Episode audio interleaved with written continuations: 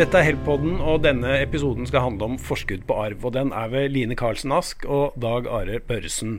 Forskudd på arv, Line, hvorfor må vi snakke om det? Eh, det er et viktig tema fordi det skaper utrolig mye konflikt. Eh, og jeg tror det som er eh, For egentlig kanskje litt typisk norsk, det er det at hvis det strider mot vår rettferdighetssans, da er det absolutt en kilde til konflikt. Og jeg tror mange ikke vet at så lenge du lever og er frisk, så kan du gi bort alt du eier og har. Du kan gi bort alt du eier til favorittsønnen din, du kan gi bort til Røde Kors. Du gjør som du vil. Så de reglene om pliktelse, arv og likebehandling av barn, de kicker jo inn først den dagen du er død. Mm -hmm. eh, og da er det jo sånn at foreldregenerasjonen i dag har ganske mye penger, og en god del av de ønsker å gi hjelp til barn med f.eks. egenkapital ved kjøp av bolig, eller komme litt i gang eh, økonomisk eh, på andre måter i forhold til studier osv. Så, videre. så er det jo da sånn at barn ikke nødvendigvis har behov for hjelp samtidig. Man kjøper ikke nødvendigvis i en søskenflokk på fem bolig på samme dag. Mm. Eh, og da vil det fort være i en sånn situasjon at du gir litt til én, og så går det noen år, og så gir du til den andre. Um, så da eh, tenker jeg at det er utrolig viktig at du dokumenterer hva du gjør, og hvordan du har ment å gjøre det. Og så er det jo et annet element, og det er jo at vi fikk en ny arvelov 1.1.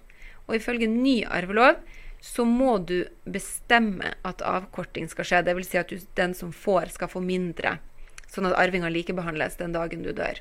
Mm. Og informasjon om at det kommer til å bli mindre i arv fordi du nå har fått, den må komme til eh, gavemottaker, altså den som får pengene, mm. senest når gaven gis. De reglene for forskudd på arv de uh, kommer vi straks tilbake til, men hele hensikten med å snakke om forskudd på arv er at eh, den dagen arveoppgjøret er avslutta, så skal alle de som har krav på arv etter deg, ha fått likt. da.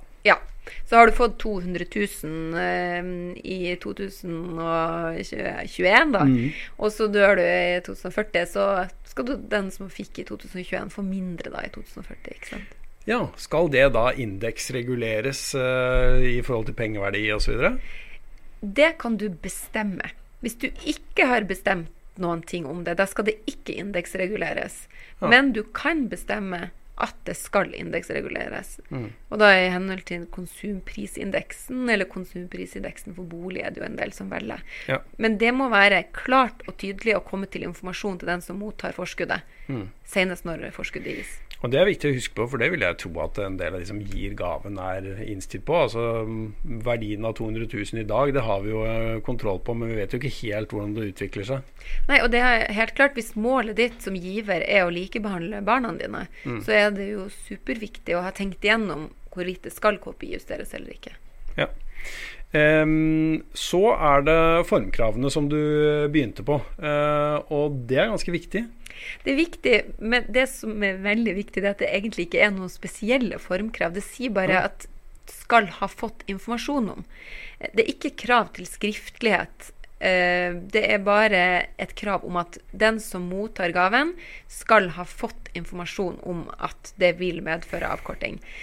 Og, og vi anbefaler jo som advokater sterkt at det gjøres skriftlig. Det er veldig viktig å dokumentere at du har gitt beskjed, og vi ønsker jo også at alle søsken informeres om det. At nå har Lise fått 200 000 til eh, egenkapitalkjøp av bolig, mm. og skal få mindre når vi går bort. Altså at alle søsknene også signerer på en sånn skriftlig erklæring. Eh, men i loven så er det bare 'bør være skriftlig', og at søsken bør informeres. Den enkleste riktige måten å gjøre dette på, er altså at uh, jeg gir min sønn Tore uh, 200 000, uh, og det skriver jeg en mail, og så legger jeg alle de andre arvingene i kopi. Ja, det er en helt fin måte å gjøre det på kan godt gjøre det på e-post, så lenge du husker å lagre e-posten på et trygt sted. Det er litt underlig at det ikke er noe tydeligere formkrav, egentlig. fordi at hvis mor eller far sier til meg at de 200 000 du nå har fått, de skal være forskudd på arv, så kan det hende at jeg glemmer det mm. eh, den dagen eh, arveoppgjøret skal finne sted. Mm. Ja. Um, men uh, forskudd på arv uh, Det er kanskje et dumt spørsmål, men, men uh, det gjelder både ting og kontanter, kanskje? eller? Ja, det gjelder alt. Du må bare verdsette det da i penger. Og det ønsker vi jo også helst at gjøres skriftlig. At du sk sier at uh, nå har uh, Lise mottatt et maleri til en verdi av 50 000 kroner. Mm. Og beløpet skal gå til avkorting i Lises arvelodd. Ja, og det er ganske viktig fordi at uh, det kan jo være at og, og da er det verdien når gaven blir gitt, som er det essensielle. Har du ikke bestemt noe annet, så er det verdien av gaven da den blir gitt. Og da eh, hører vi at f.eks. når det gjelder kunst, da, så kan man jo tenke seg at den verdien har endret seg voldsomt den dagen uh, arveoppgjøret skal finne sted, mm. i løpet av kanskje 10 eller 20 år. Mm. Og da er, det, da er, det, fornuftig at man har en uh, fastsatt verdi den dagen jeg gir gaven. Ja, det er absolutt. Og så er det jo det at når du har gitt fra deg en gave, så kan jo den som har mottatt eh, selge det videre. Det er jo ikke sikkert at den, det maleriet er Elise sitt eie den dagen du dør, osv. Mm. Men det er verdien av gaven da den ble gitt, som er det som skal avkortes hvis du ikke har bestemt noe ennå. Mm. Du, sånn eh, Overføring av fast eiendom og sånt, og dokumentavgifter og sånn, spiller det inn på, på forskudd på arv på noen måte? Nei, akkurat når det gjelder dokumentavgift, det er jo et spørsmål vi ofte får. At mm. foreldre ønsker å overføre fast eiendom til sine barn, og så lurer de litt på dokumentavgift. Og dokumentavgift er jo 2,5% av markedsverdien ei avgift som skal betales til staten. Den kan du få fritak for, for egen arvebrøk kun hvis dine foreldre er døde. Du vil ikke få fritak for dokumentavgift så lenge foreldrene dine lever. Ah, ja. Så dokumentavgifta er jo 2,5% av markedsverdien. Det straffer seg litt da, å overføre fast eiendom som forskudd på arv? Ja, på en måte, ja. Men samtidig så tenker jo jeg at det er liksom en billig sikkerhet. Da får du hytte gjøres ryddig, hytta overføres i navnet til den som faktisk skal eie den. Og så har du jo ei side mot salg, hvis det skal skje.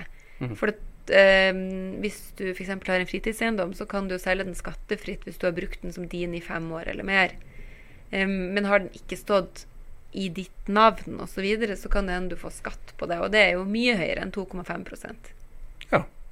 Du, det var litt om uh, forskudd på arv. Er det noe mer vi trenger å tilføye da, syns du? Åpenhet.